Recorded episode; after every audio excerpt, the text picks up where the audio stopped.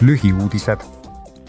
eile arutas Euroopa Parlamendi arengukomisjon kriisi ohjamise voliniku Janets Lenartšitšiga Euroopa Liidu kava Türgit ja Süüriat tabanud maavärina tagajärgedega toimetulemiseks. veebruaris toimunud maavärin on üks viimaste aastate ohvrite rohkemaid looduskatastroofe.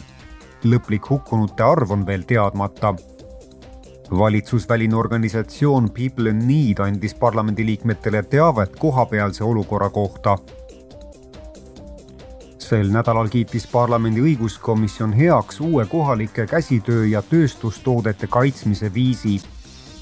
selleks on geograafiline tähis, mille eesmärk on kaotada lõhe erinevate riikide süsteemide vahel kaitstes nii Euroopa Liidus kui ka rahvusvahelisel tasandil selliseid kaupu nagu ehted, tekstiilid, klaas ja portselan. eelnõu põhineb kehtival määrusel, millega kaitstakse Euroopa Liidus kohaliku päritolu toiduaineid.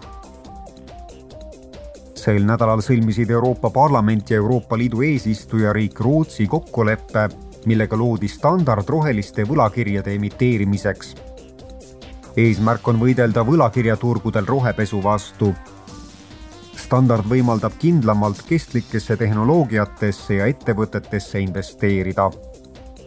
kõik ettevõtted, kes otsustavad roheliste võlakirjade turustamisel standardit kasutada, peavad avalikustama üksikasjalikku teavet selle kohta, kuidas võlakirja tulu kasutatakse samuti on nad kohustatud näitama, kuidas neid investeeringuid ettevõtte üleminekukavades kasutatakse